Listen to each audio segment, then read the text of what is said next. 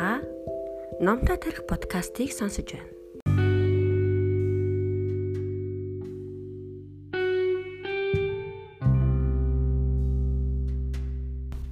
Алтан Дэл Карнегийн номын 1-р дэвтэр 3 дугаар хэсэг 9-р бүлэг. Альва хүмүүс юу хүсдэг вэ? Альва маргааныг зогсоож, дургуутсал, зэвүүцлийг арилгаж хүнийг анхааралтай сонсоход хүргэдэг шидэт үгийг мэдхийг хүссэн болов уу? Тэрхүү шидэт үг энэ байна. Яг ингэж бодож байгааг тань өчүүхэнч буруудахгүй. Би таны оронд байсан бол яг л ингэх байсан. Ийм харьцаа ямар ч хэрүүлж хүнийг зөөлрүүлдэг. Тэрнээс гадна та чин үннээсээ хэлэх ёстой. Яагад гэвэл түүний оронд байсан бол та яг л ингэх байсан. Дараах жишээг авъя.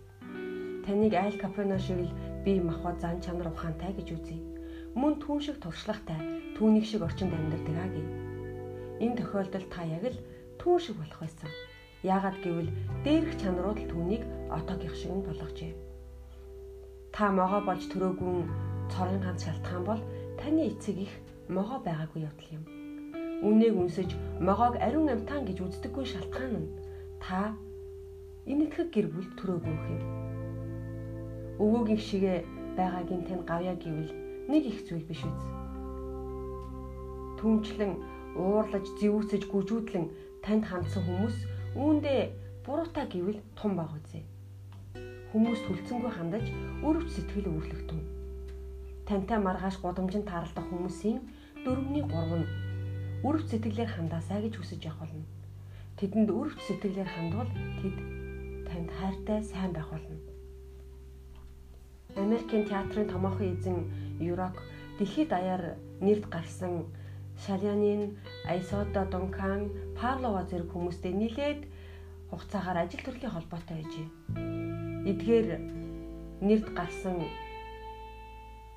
залуухан хүмүүстэй харилцаар олж авсан ганц сургамжтай зүйл нь тэднийг учирд утгагүй аашлахад нь дахин дахин өрөв сэтгэлээр хандах явдал юм а гэж тэр надад ирсэн юм. Тэрээр 3 жилийн турш Нью-Йоркийн дөөрийн хүрээлэнгийн алдарт дуучин Шаляпины үзмрийн даамал ээжээ. Гэвч үзмрийн даамлаа байнга түгшээдэг байв. Яг л эрх хүүхэд шиг аашлна. Энэ хүү үзмрийн даамлын үгээр бол Шаляпин зүүрлэшгүй хүн байв.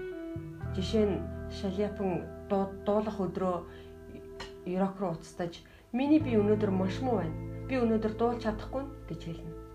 Ерок түнтэй маргадгүй. Өрдөөч үгүй. Тэрээр үзэмбрийн даамал жүжигчдтэй маргаж болохгүй гэдгийг мэддэг байв. Тэр дороо л театр руу шаляпан дээр харуусал илэрхийлэхээр очдог байв. Тэгэлгүй яах вэ? Яаж дуулах вэ? Юутай харамсалтай вэ? Одоохон таны тоглолтыг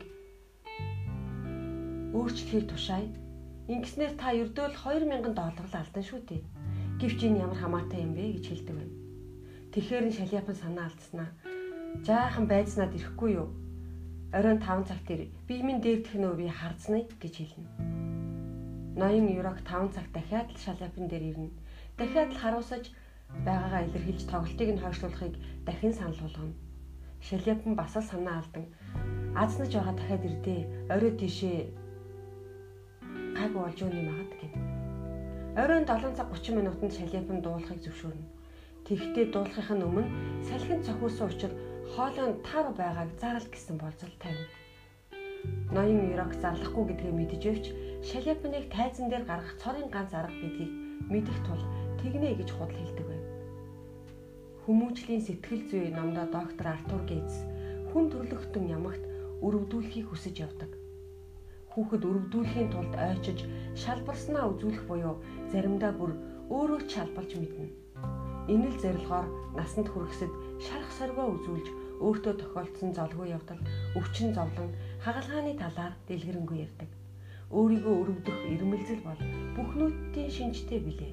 Хэрэг хүмүүс таны санаа бодлыг дагаасай гэж хүсвэл 9 дэх мөрдлөгийг баримтлаарай. Бусдын санаа бодол хүсэл ирмэлзэлд ойлгож хандах тун. Та Номтой тарих подкастыг сонсож байна.